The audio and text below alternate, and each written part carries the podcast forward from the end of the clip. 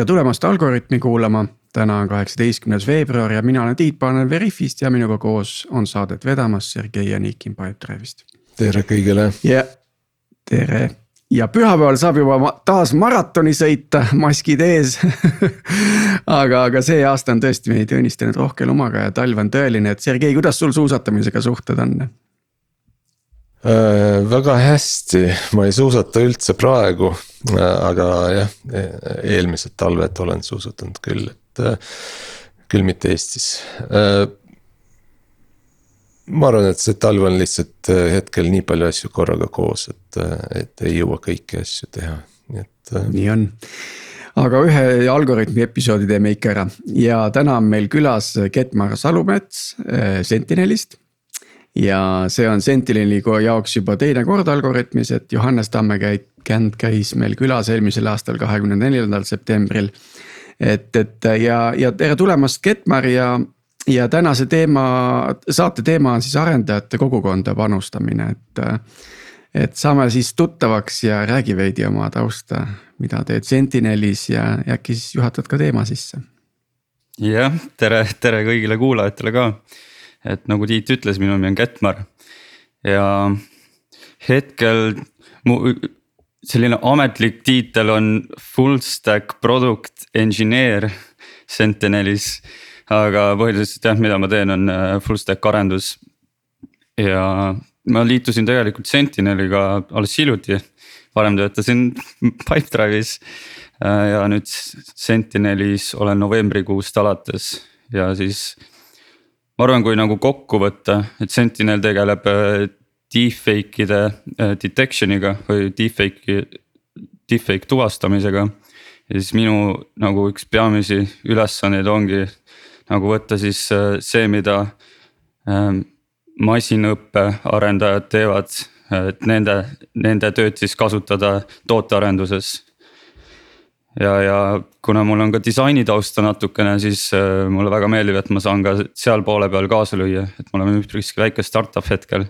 siis äh, saan nagu seda disaini ja, ja kasutaja poolt ka kõvasti äh, kaasa mõelda.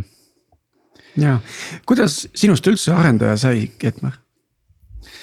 oi, ma, ma kusjuures mõtlesin selle peale, et kuidas ma sellele küsimusele vastan, et see niikuinii tuleb. aga nagu ma proovin siis poollühikeselt rääkida, et tegelikult äh, ma oma esimese kodulehekülje tegin juba, see oli vist kaks tuhat kaks aastal.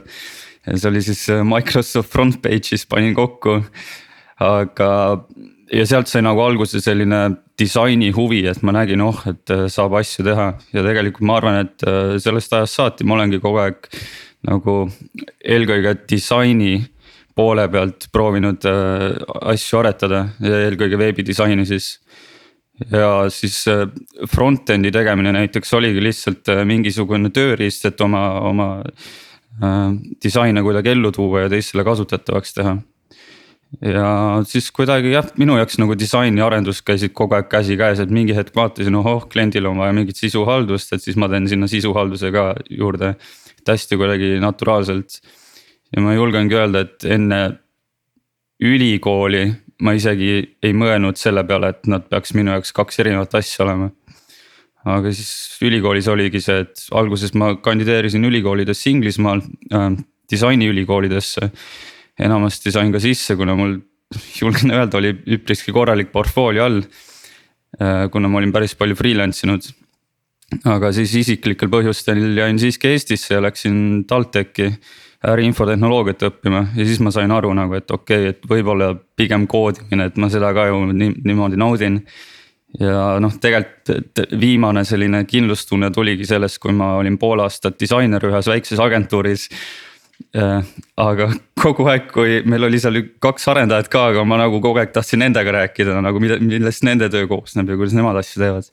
et siis ma lõpuks sain aru, et okei okay,, ma hakkan nüüd koodile rohkem keskenduma et ma, ma, ma küsin äh, selle koha pealt, kas sulle ei tundu, et disaineri töö on selline pigem äh,. nagu individualistlik töö, et, et noh, et sul on mingisugune ülesanne ja siis sa mõtled, kuidas see, selle lahendada. ja programmeerimine nüüd tänapäeval on rohkem selline tiimitöö, kus noh, üksi sa enam midagi äh, suurt väga ära ei tee. see on päris hea küsimus ma pole selle peale niimoodi mõelnud, aga ma usun, et äh, siin oleneb mastaapidest. et äh, nii arendamises kui ka disainis on see, et kui sa näiteks freelance'id äh, väikestele klientidele, siis sa saad kõik ise ära teha aga nii disaineri kui arendaja vaate poolt, vaatevinklist, kui sa tahad midagi suurt teha, siis selleks on vaja siiski, ma arvan, meeskonda. et disaineri puhul see meeskond võib-olla siis tähendab kasvõi klienti ja mees, klienti ja disainerit ennast. Kuna noh, need lahendused, head lahendused tekivad ainult läbi kliendi, kliendi suhtluse ja seda küll jah, et, et disainer töötab tiimis, aga noh, ma olen tähele pannud, et ütleme. noh, nagu meil Pipedrive'is on need eh, missioonitiimid on ju, et siis seal on alati noh, üks, kaks, kolm, neli, viis arendajat ja siis on alati üks tootejuht ja üks disainer, on ju, et. Et, et see lihtsalt näitab jah, võib-olla seda, et disaineril on võib-olla konkreetset ülesannet on lihtsam ikkagi üksi lahendada, et. okei okay,, aga Ketmar see..., äh, nii, Tiit ja veel sellest, mis sa just ütlesid, et üks arendaja või tähendab üks product owner ja üks disainer, et äh, üks viis nagu ettevõtet vaadata on, et kui palju inimesi genereerib tööd ja kui palju inimesi teeb tööd, et et, et, et, et see, see ratio oleks nagu paigas, on ju aga noh, töö on seegi, et, et seda genereerida, et see on see arusaadav, et muidu, muidu ei tea, mida teha, eks ju. aga hea küll, läheme edasi, et tänast teemat, kui me üritame nagu lahti võtta, et mm, sina, Ketmar, oled hakanud nagu ajama mingit oma rida. ja, ja me ei oska seda praegu muud moodi kuidagi kirjeldada, kui et sa tegeled nagu arendajate kogukonda nagu panustamisega, noh. väiksel viisil üritab ka Algorütm seda teha, eks ju, aga, aga sul on, sul on palju suurem äh, katvus ja, ja äh, nii-öelda äh, jah, nüüd tulevad need ingliskeelsed idioomid sisse, aga ühesõnaga äh, turg on laiem, sest sa valisid, valisid äh, inglise keele, mida me teadlikult äh, vältisime, me tahtsime sellist ähm, väiksemat kuulajaskonda, aga, aga siis see oleks rohkem kodusem, on ju. võib-olla räägid üldse, kuidas sa sellele mõttele tulid äh,? miks sa seda hakkasid tegema? ja siis küsime edasi mm. -hmm, kõlab hästi. Ma näen, et siin on kaks suuremat punkti, miks ma seda tegema hakkasin või kus see viimane tõuge tuli, et äh, esimene asi, ma alustasin blogimisega ja seda ma alustasin sellepärast, et ma olin just ühe. ütleme siis oma elu suurima freelance töö läbi teinud ja see, see nagu ei tulnud hästi välja et meil oli kliendiga hästi erinevad arusaamad, mina olin nagu selline hästi, tahtsin lean ja startup ilik olla, et teeme itereerides asju, nemad pigem olid selline waterfall. ja noh, et freelancer'ina sa oled ka, sa oled põhimõtteliselt äh, mingil määral see product owner. kuna ja pead kogu aeg kliendiga suhtlust toimuma, samas teed ka siis seda arendust ja kõike ja samas oli ka tehniliselt äh, üpriski väljakutsuv ja seal ühesõnaga oli palju erinevaid põhjuseid, miks see projekt nagu välja ei tulnud. ja ma olingi, et okei okay,, siin on nagu nii palju asju, mida ma olen tegelikult ise läbi teinud, aga ma pole enda jaoks nagu lahti mõtestanud. ja siis ma mäletan, ma olin äh, reisil Portugalis, Portos. Äh, jõin rahulikult veini ja siis tuli mõte, et okei okay,. ma lihtsalt kirjutan sellest panin omal märkmikusse mõtted kirja, tulin Eestisse tagasi, kirjutasin blogipostituse valmis. saatsin sõpradele laiali, et kuulge, andke nagu tagasisidet ja siis süda värises, aga lõpuks ma selle kliki, publish kliki tegin ja läks välja ja sain tohutult palju head tagasisidet inimestelt, et kuule, see on täpselt see, mida nagu on vaja kuulda. et see minu jaoks andis selle esimese tõuke aga samal ajal ma olin ka Pipedrive'is äh, üpriski aktiivne selline noh, ütleme siis korraldaja. mulle meeldis nagu hästi palju mentordada äh, noorem arendajad, mulle meeldis äh, lihtsalt nagu rääkida kogemustest. ja õnneks meil meeskonna sees ma ajasin sellist asja nagu DevTalks, kus me jagasime ka siis erinevaid näpunäiteid. rääkisime nagu mittetööst, noh, ma sain näiteks freelance imisest rääkida ja jagasime kogemusi, ühesõnaga. ja ma nägin, et mida rohkem ma seda tegin, seda enesekindlamaks ma muutusin nagu öö, oma suhtlusoskusega. ja see oli vist, kui me internship või no jah, meil oli selline internship program. kus me siis mentordasime inimesi ja ma nägin, et okei okay,, siin on hästi palju asju, mida nad teevad, mida ma ka tegelikult tegin. Ja siis ma sain aru, et okei okay,, ma teen sellest blogipostituse ja siis miks mitte ka video. ja sealt see alguse saigi. ja peamiseks põhjuseks oli jälle, et okei okay,, ma nüüd kõlan isekalt, aga et noh, teisi aidata muidugi. aga enam sellest, et oma sellist suhtlusoskust äh, arendada ja samas ka nagu enda jaoks asju läbi analüüsida mm. -hmm. klaarime kohe ühe asja ära, palju siis feimi ja sulli on ka tulnud ette?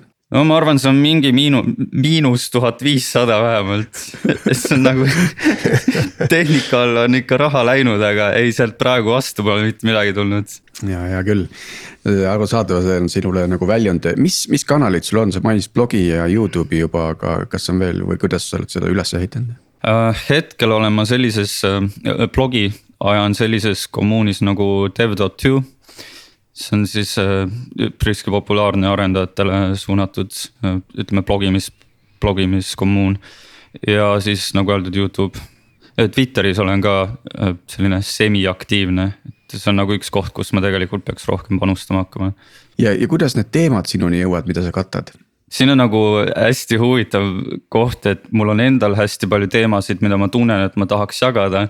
samas on hästi palju teemasid, mis äh, tekitavad äh, kuulajaskonda ja noh, lõpuks ongi, et äh, et need teemad, millest ma ise soovin rääkida, on lihtsalt eneseanalüüsi läbi.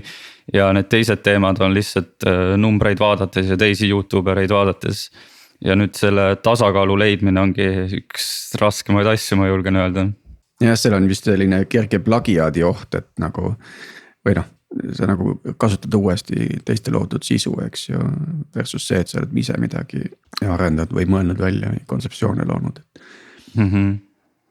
miks äh, Kitmar, sa valisid just Youtube'i, miks hakkasid videosid tegema, mitte näiteks podcast'i nagu meie siin teeme? noh, ma julgen öelda, et tegelikult ma olen üpriski edev inimene et mul, mul, mul noh, mulle meeldib äh, nagu lava peal olla, ütleme siis niimoodi. ja see videode tegemine, noh tegelikult jälle, et see eneseväljendusoskus, et minu üks nagu tulevikus ambitsioone on ka rohkem hakata käima konverentsidel, et siis see Youtube on kuidagi selline väga hea koht, kus harjutada eneseväljendust ja, ja, ja lavalist olekut kas see panustamine community'sse, kas see on nii-öelda põhieesmärk või see on by-product ehk et mm., et kas see harjutamine, esinemise nii-öelda julguse harjutamine ja. et, et kas see on põhieesmärk või ikkagi sa arvad, et see panustamine, tagasi panustamine community'sse on, on, on ikkagi olulisem kui, kui, kui see, mis sa enda jaoks nii-öelda saatsid? ka küsimus, mida ma olen endalt hästi palju, hästi palju küsinud. aga ma arvan, et äh, see, mida ma teen, on endasse panustamine. ja see on siis endasse pana-, panustamine avalikult. et näiteks, kui ma Pipedrive'is äh, võtsin mingisuguseid initsiatiive, mentordamine näiteks, et samamoodi ma enne leidsin sealt üles mingisugused põhjused, miks ja kuidas see mind arendab. aga samas ma teadsin, et see annab väga palju tagasi ka teistele. ja noh, näha näiteks, kui mõni intern saab lõpuks täis töökoha endale. sest et sa nagu said kuidagi kaasa aidata, et see on nagu üks parimaid feeling uid üldse või parimaid tundeid üldse. ja ma arvan, et nad käivad väga käsikäes et kui seal ei oleks seda punkti, et ma ise arenen, siis ma ei tea, kas ma teeksin seda. kas sa oled, kas oma, oled ka oma nii-öelda e, oma, oma äh, publikut äh, ja seda, seda demograafilist jagunemist, ma mõtlen, et mis tüüpi inimesi seal on. kas sul on mingisugune ettekujutus, kes sind vaatavad, kuulavad, et äh...? äh ja Youtube'i statistika järgi eelkõige muidugi eestlasi on palju, kuna ma jagan oma nagu sõprade seas seda ja mu numbrid nii kõrged veel ei ole aga hästi palju on inimesi näiteks Indiast, mis äh, minu jaoks oli üllatav ja tegelikult äh, ka USA-st. et äh, protsentuaalselt kohe ei oska öelda, aga, aga noh India ja USA on enam-vähem pooleks hetkel kas nii-öelda peenema soole, soo esindajaid on ka, kas seda ka näidatakse? mingi statistika seal on ja ma nägin, et see hetkel on kahjuks alla kümne protsendi. Mis on ka asi, millega ma tegelikult äh, teadlikult proovin tulevikus rohkem tegeleda, et äh, just. kuna ma teen ka intervjuusid, siis tuua nagu rohkem naisi äh, sinna ja olen ka paari naisega teinud juttu sellest teemast.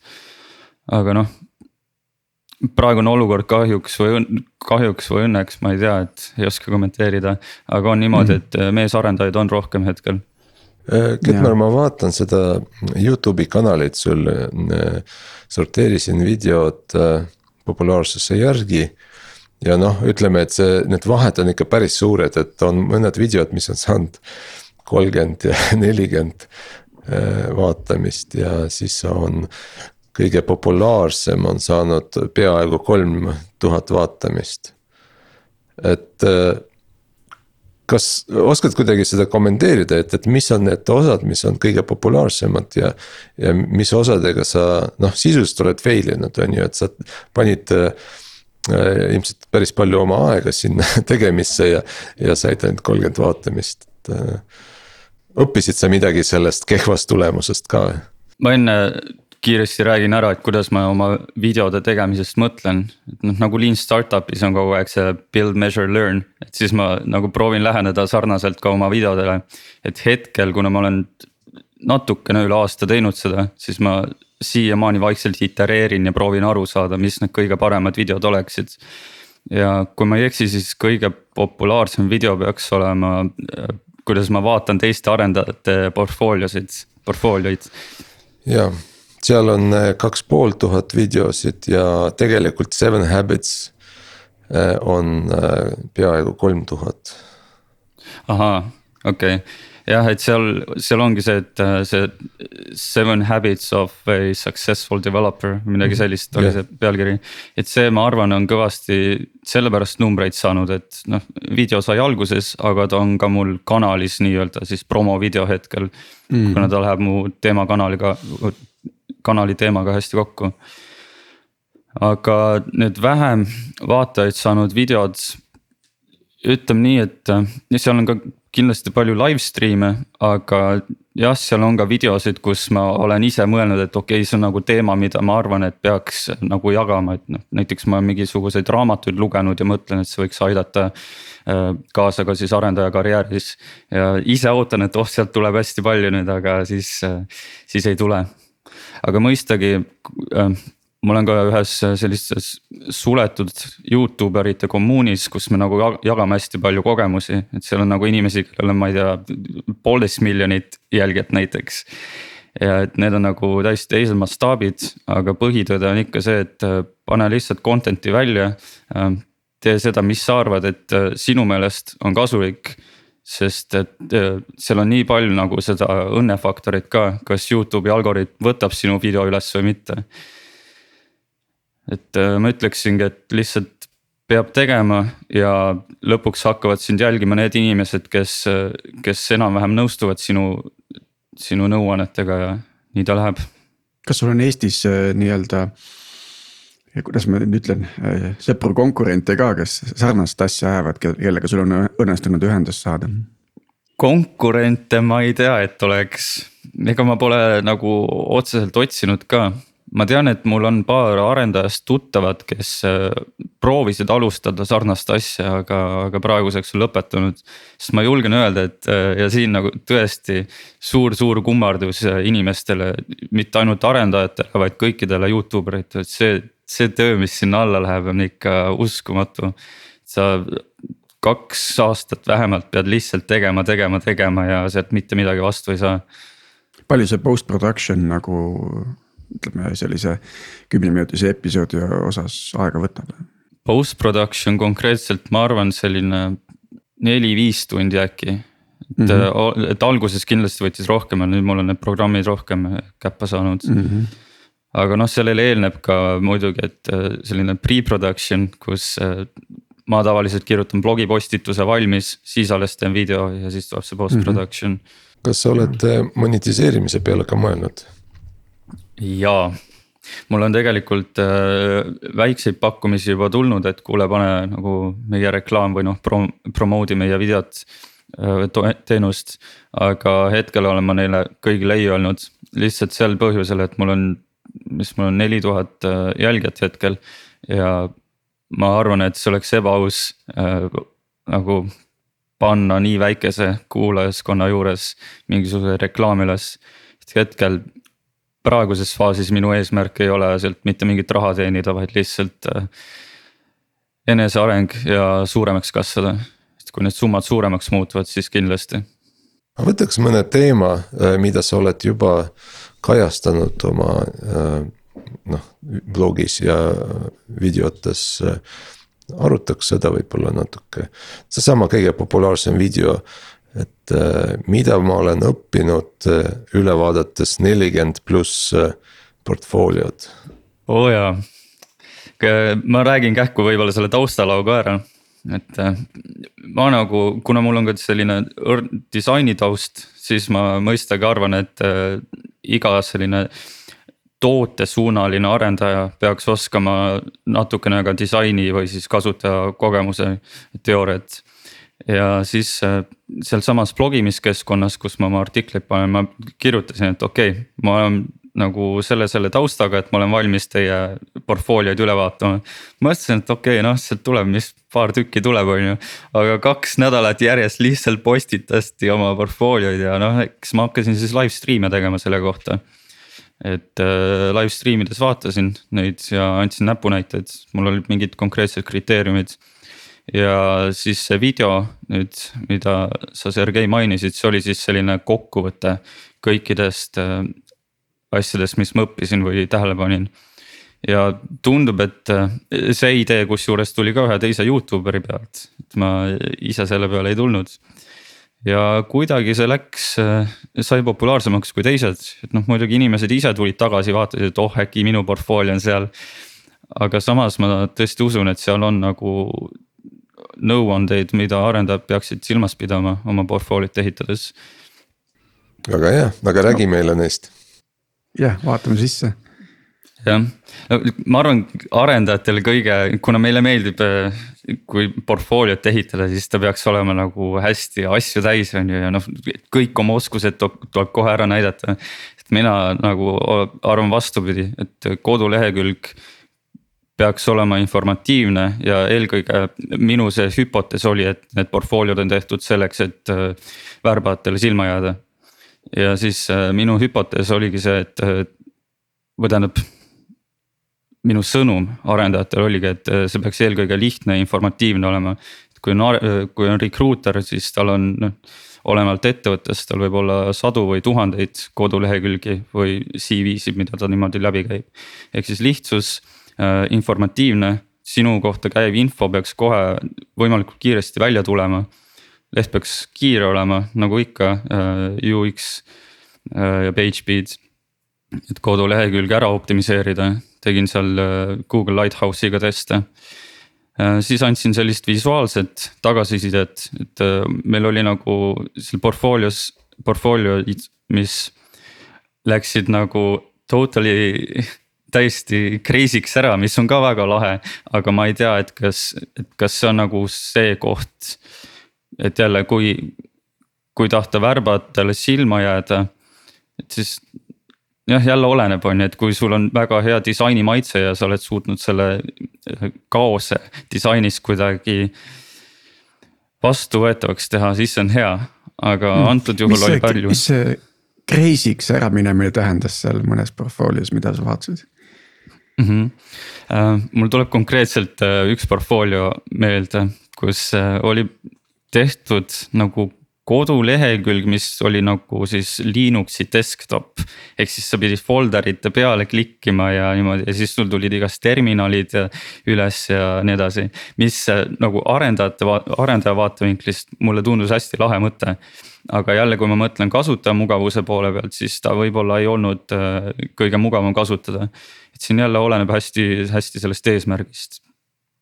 Ja noh, minu tagasiside talle oligi, et see on nagu väga lahe, lahe kodulehekülg, aga et oleneb jälle, kui sa soovid recruiter itele silma jääda. siis ma teeksin sinna kasvõi mingisuguse lihtsa alamlehe, mida sa saad eraldi lingina saata.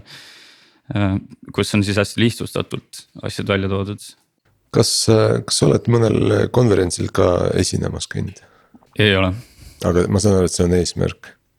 see on üks eesmärke ja aga oled sa uurinud, kuidas sinna konverentsile esinema saada üldse või, või äkki hoopis korraldada oma konverents ja olla seal peaesinejaks? no ma kuulsin, et Algorütm ka võib-olla plaanib äh, mingi aeg oma konverentsi teha aga olen uurinud küll tegelikult ja äh, noh, see protsess suuresti ongi see, et sa otsid konverentse, mis tuleb ja hakkad, hakkad saatma neid taotlusi, et kuulge, mul on selline teema ja ma sooviksin nagu rääkida. aga ma arvan, et ma natukene veel teen neid Youtube'i videosid ja ise tahan ka ennast veel harida natukene erinevatel teemadel. aga ma usun, et selle aasta teises pooles äkki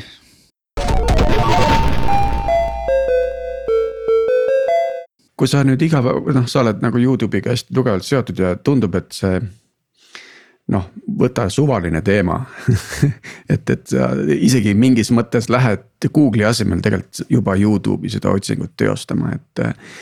et mis, mis selle nagu ta, taustal on või kas see on lihtsalt see, et seal on nii palju content'i, et, et see või seda sisu, et sa lihtsalt leiad selle vastuse ja, ja see on võib-olla kergemini tarbitav kui, kui tekst või, või noh, kind-, kindlasti üks faktor on see, et Youtube on, Youtube kogu aeg kasvab ja neid äh, videode tegijaid tuleb ka aina rohkem juurde.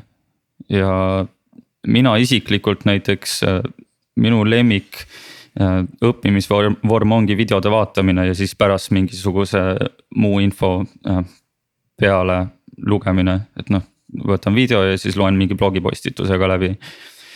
et seal on nagu ma arvan, need võivad päris tugevalt mõjutada seda.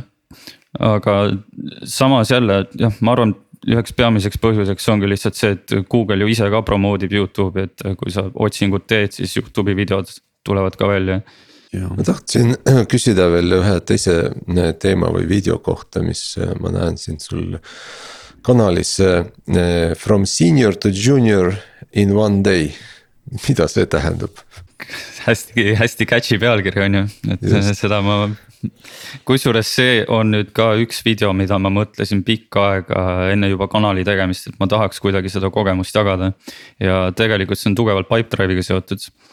ma mainisin enne, et enne Pipedrive'iga liitumist ma olin mis oli seitse-kaheksa aastat olin freelance inud ja enda meelest ma olin hästi kõva tegija, noh, kui ma, ma oskasin äh, front-end'i teha ja disaini ja natukene PHP-d ja WordPressi template'e kokku panna. et selline enesekindlus oli väga tugev ja kui ma lõpuks sain aru, et okei okay,, tegelikult mul oleks vaja nagu professionaalset kogemust ka, kui ma soovin kuhugi jõuda, siis äh, oligi, et kandideerin siin erinevatesse kohtadesse et Pipedrive'is äh, ma sain juuniori kohale, samas olid kõrval mingid agentuuride pakkumised, kus noh, rahapatakaga olid valmis viskama, et näe, tule tee meile neid WordPressi template'e. et siis mul, ma arvan, klikkis ära, et okei okay,, siin on midagi nagu väga valesti, et miks selline kõva, kõva firma mulle nagu juuniori positsiooni pakub, kui teised pakuvad, äh, pakuvad nagu mingit mid või senior positsiooni. ja noh Pipedrive'is olles ma sain aru, et tegelikult on ikka väga-väga-väga palju asju, mida ma ikka üldse ei tea. ja need asjad, mida ma tean, et seal on ka vaja süvitsi minna. ja ma enda jaoks nagu olengi mõelnud, et see oli nagu, et enne Pipedrive'iga liitumist ma tundsin ennast kui seenior arendaja, teadsin kõigest kõike. ja kui ma nüüd Pipedrive'i läksin, siis ma muutusin päevapealt juunioriks okei okay,, aga said sa tagasi kuidagi seniori peale ka või jäidki juunioriks noh, nüüd olen tagasi jah seniori koha peal, et. ja äh, siin ongi võib-olla hea hetk selgitada ka kiiresti kuulajale, et mis on sinu definitsioon juuniori, seniori ja, ja mid, et. minu jaoks juunior arendaja on keegi, kes ei pea iseseisvalt hakkama saama ja juunior on keegi, keda tuleb mentordada, kes kes alles teeb oma esimesi samme, ühesõnaga. et kui ta võtab mingisuguse task'i, siis on täiesti minu meelest oodatav, et äh, tal peakski olema keegi kõrval, kelle käest kogu aeg küsimusi küsida. ja, ja jah, ma arvan, see ongi kõige parem definitsioon, et ta vajab mentordamist ja ta alles mm -hmm. õpib seda süsteemi tundma. Senior arendaja seest on siis see teine pool seal, et äh, senior arendaja muidugi minu jaoks suudab suudab selle toote poolega läbi rääkida, suudab tehniliste inimestega läbi rääkida, suudab neid plaane ise koostada. ja samas ka neid execute ida ja, või noh, jah, ära teha, meeskonda juhtida, teisi arendajaid mentordada ja lühidalt öeldes olla lihtsalt eeskuju ja firmale kasu toov aga mis sa aialiselt arvad, et noh, nagu sa mainisid, et sa veetsid seitse aastat äh, freelance imas äh, mm, õppisid palju asju juurde ja siis järsku said aru, et tegelikult see maailm on, on, on oluliselt laiem. siis sa hakkasid äh, õppima juurde, alustades nii-öelda uuesti juuniori positsioonist, juunior positsioonist. palju sul aega läks, et tagasi nii-öelda kindluse juurde jõuda ja mis sa arvad, mis on see normaalne aeg, et in, inimene suudaks kõik need tasemed läbida see on ka nüüd äh, minu jaoks selline küsimus, kus ma ütlen, et kõik oleneb. et äh, ma julgen öelda, et noh, näiteks Pipedrive'is meil on ju tegelikult väga tugev selline. noh, meil on väga tugevad arendajad, meil on väga tugevad sellised arendusprotsessid ja me ootame inimestelt päris palju, äh, et nad areneksid ja et nad teeksid. et Pipedrive'i kontekstis jälle, meil on olnud inimesi, kes äh, liituvad juuniorina ja kahe aasta pärast on juba seenior arendajad.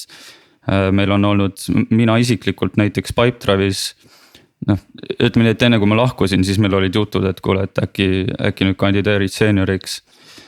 Äh, aga ma nagu lahkusin sellel meet, meet viimasel levelil. ja ma olin siis Pipedrive'is neli aastat. et see on nagu ja jälle, et mul on ka palju tuttavaid, kes võib-olla mingis väiksemas ettevõttes alustavad juuniorina ja siis aasta pärast on seeniorid. et see on väga, väga, väga oleneb äh, jälle, kuidas äh, mingisugune ettevõte defineerib.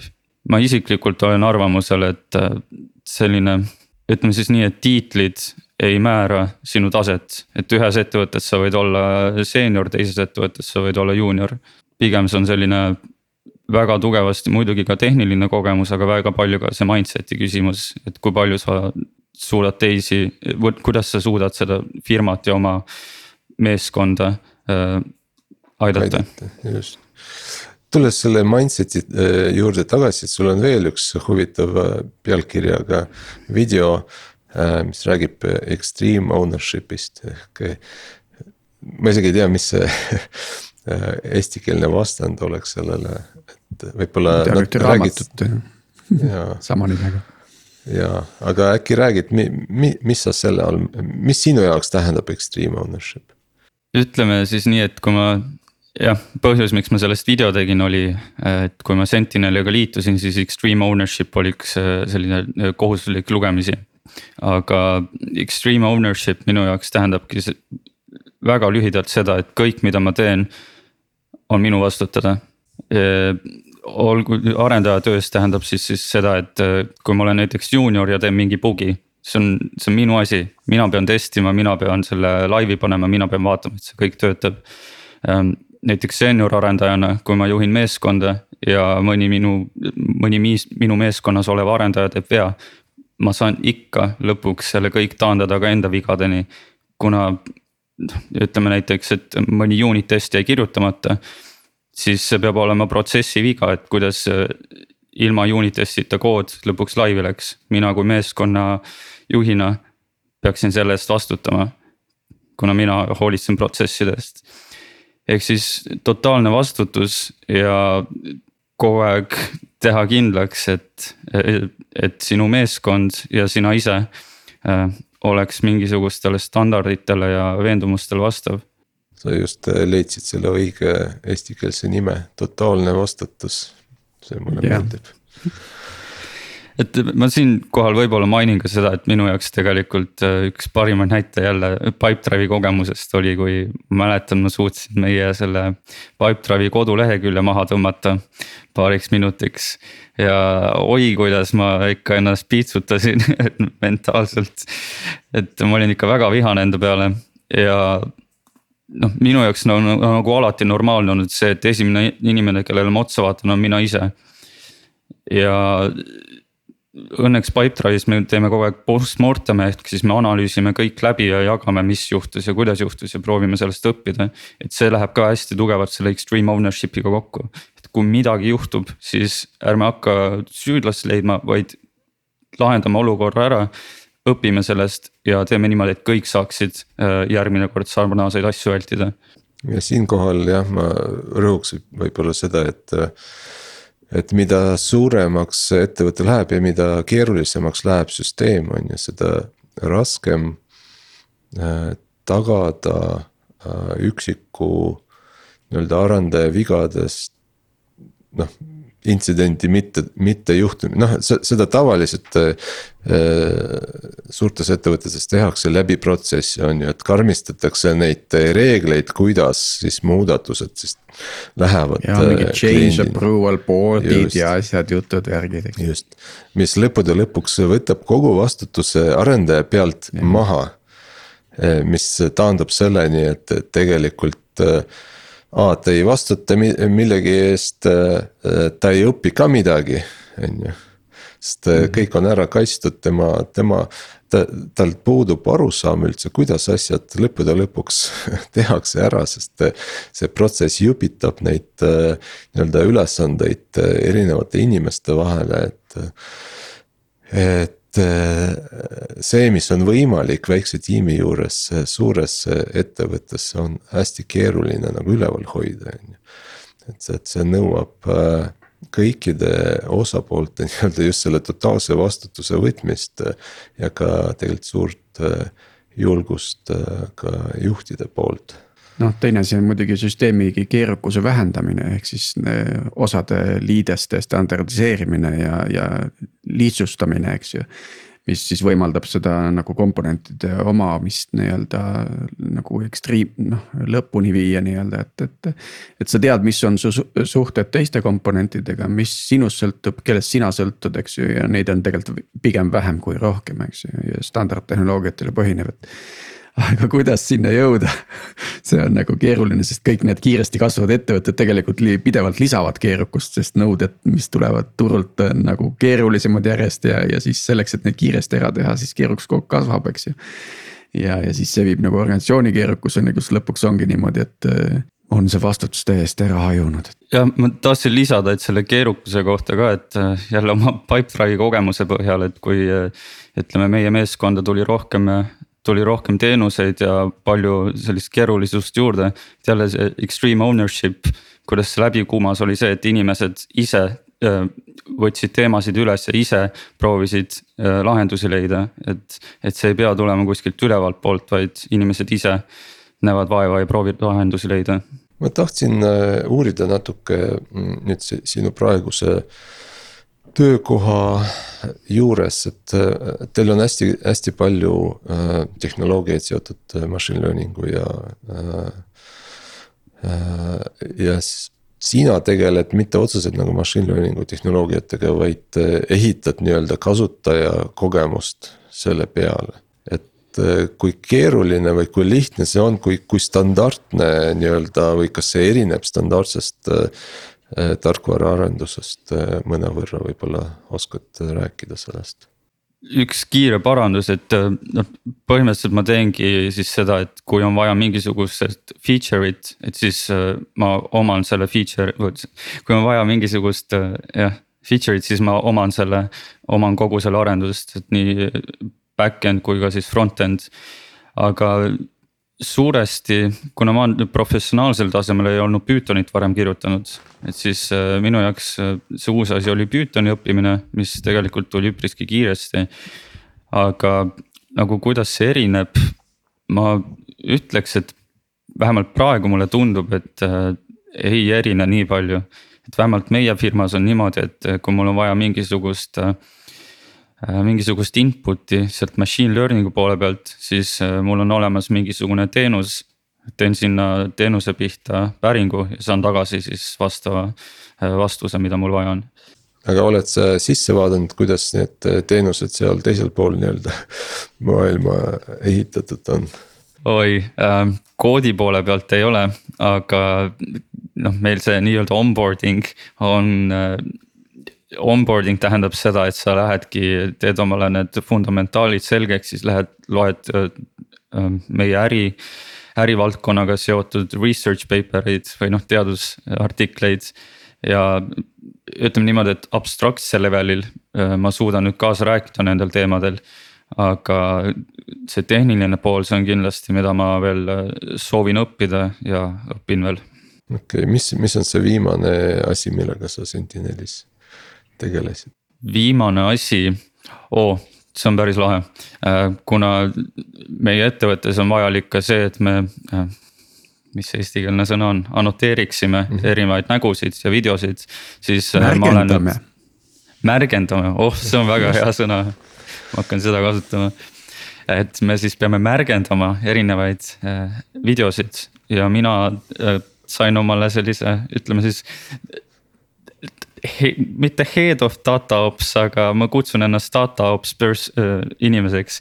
ehk siis äh, ma suhtlen meie annotaatoritega, arendan meie seda annota-, annoteerimise platvormi ja proovin siis tõsta kogu seda annoteerimise kvaliteeti. aga kus need siis..., kus need inimesed, kes äh, kasutavad sinu nii-öelda tarkvara, kus need on? Kes need annotaatorid on? ma nüüd võib-olla jään natukene teadmistest puudu mm., aga meil on jah, erinevad inimesed erineva taustaga. Äh, mõned on neist, neist Eestist pärit, mõned on välismaalt. okei okay,, et see on nagu sihuke hajutatud äh, võrk annotaatoreid ja. just. see annotatsiooni tooling on nagu üldse sihuke teema, mis nagu väga olulisel kohal masinõppe puhul, et kas teil on ka homegrown või kodus ehitatud süsteem või mingid lahendused kasutusel? kodus ehitatud ja lihtsalt sellel põhjusel, et meil on väga spetsiifilised nõuded oma, oma sellele platvormile. mitu inimest üldse on teil praegu äh, tiimis või noh, ma mõtlen firmas? ütleme oota, ma loen kohe kokku, kaheksa inimest on nii-öelda need, kes kogu aeg kontoris käivad, ütleme siis see core tiim ja siis sinna tuleb veel siis annoteerimise, annoteerimisega seotud inimesed. ei olegi väga, väga suur tiim praegu, kuidas sa võrdled äh, nüüd äh, tulles suurest firmast äh, väiksesse firmasse nagu seda, mis see, mis see vahet on? ma arvan, suurim vahe on see, et nagu tõesti on päevi, kus sa tuled tööle, teen oma plaani valmis ja siis järsku tuleb mingisugune uus info sisse ja, ja tuleb täiesti uued plaanid teha. et hästi-hästi agiilne peab olema ja mis mulle tohutult meeldib, on see, et kõik on hästi äh, kasutaja tagasisidel põhinev või noh, et, et et kui me saame mingisuguse uue tagasiside, siis me kohe mõtleme, kuidas me sellest tagasisidest nüüd saame midagi kasulikku teha mm,. et kõik käib ümber selle kliendi väärtuse loomise nii-öelda. täpselt mm, -hmm. kuna me siiamaani otsime oma seda mm, product market fit'i, siis. väga hea äh,, Ketmar äh, äkki räägid äh, meile, et mis, mis teemasid sa sooviksid Algorütmist kuulata, oled sa üldse kuulanud mõnda meie saadet, mis meeldis, mis ei meeldinud? Ma arvan, äh, osasid, mida ma ei kuulanud, ei ole kuulanud, on noh väga vähe, et äh, mulle, mulle väga meeldib, mida te teete, ma arvan, et sellist asja võiks rohkem isegi olla. ja kusjuures enne tuli teemaks, et äh, inglise keel versus eesti keel. minu nagu missioon mingil määral tegelikult lõpuks on sama, mis teil, lihtsalt ma soovin näidata ka siis nendele inimestele, kes Eestis elavad, aga eesti keelt ei räägi, et sooviks rohkem hakata rääkima startup idest ja Eesti arendajate elust mm. -hmm. ja teie puhul mulle nagu isiklikult väga meeldivad need äh, tehnilisemad teemad. ja just sellepärast, et äh, neist räägivad inimesed, Eesti inimesed, kes ise teevad seda ja eesti keeles sellist content'i on noh, ei leiagi mujalt. et just need tehnilisemad teemad, masinõppest võiks veel isegi rohkem rääkida et siinkohal ka jälle üleskutse, et, et meil on siin olnud isegi tegelikult masinõppe perioode lausa, kus meil on järjest neid episoode tulnud, aga, aga, aga kindlasti huvitab nii nii nii-öelda andmeteadlase vaatenurk kui ka siis tarkvarainseneri vaatenurk, et kuidas need mudelid jõuavad toodangusse ja. ja, ja, ja mis, mis, mis need, mis see koostöökiht nii-öelda andmeteadlase ja ja, ja masinõppeinseneri vahel siis nagu on ja, ja kuidas, kuidas seda, kuidas seal üldse teha nagu seda toote juhtimist, mis on väga huvitav nagu lõige jälle, et kui tehniline see inimene peab olema, et seal suuta äh,. suuta kokku tuua selle annoteerimise, märgendamise ja siis äh, närvivõrgud ja, ja siis need, nende toodangusse panek, et see on nagu selline jälle lõputu koht, kus harida ennast, et vot, aga võib-olla viimane küsimus, et eh, kas mm, sa tahad vastata küsimusele, mida me veel ei ole küsinud? on sul endal mingisugune teema, mida sa tahaksid eh, meie kuulajatele edasi anda? võib-olla mõni episood, mis sul ei ole veel valmis, aga juba peas ja sul on võimalik seda harjutada nüüd meie peal. mis on see järgmine teema, millest sa tahaksid teha eh, oma kanalisse episoodi? Ma arvan, et äh, mitte konkreetne video, aga mida minu kanal äh, proovibki nagu siis äh, nii-öelda kuulutada, on see, et arendajaks olemine on nagu väga lahe asi ja, ja omast kogemusest tean, et arvuti ees on, võib nagu kümneid tunde olla ühe päeva jooksul. et see ei ole nagu eriline, kui kümme tundi päevas arvuti taga olla. aga vaadake ka muid asju, hoolitsege oma tervise eest, sööge korralikult. ja et väljaspool arvutit on ka elu. ma arvan, see, see ongi mu sõnum. tasakaal. seda kindlasti, millega sina tegeled väljaspool tööelu? Äh, sporti teen, matkamas meeldib käia ja, ja muusikaga ka vähemal määral mm. -hmm sa oled ju, kas sa, sa oled laulnud ka on ju, sa oled meie bändis ka laulnud äh,? külalisesinemised on olnud väga lahe, väga lahe. ja Getmari leiate siis äh, developerhabits.com äh, ja samanimeline kanal ka siis Youtube'is, et vaadake kindlasti sisse ja andke ka tagasisidet nagu ka Algorütmile meie Facebooki grupis, et, et mis oleks järgmised teemad, keda võiks intervjueerida. ma olen üli, üli, no nüüd see kõlab eesti keeles suhteliselt äh, imelikult, aga ma olen väga erutatud järgmise nädala ees, kus meil on kaks väga head, huvitavat lindistust. mis teieni jõuavad juba mõne nädala pärast, et, et, et nii-öelda olge lainel ma ei tea, kas see on mingisugune kaudne tõlge stay tuned'ist või püsige meiega ja subscribe, subscribe.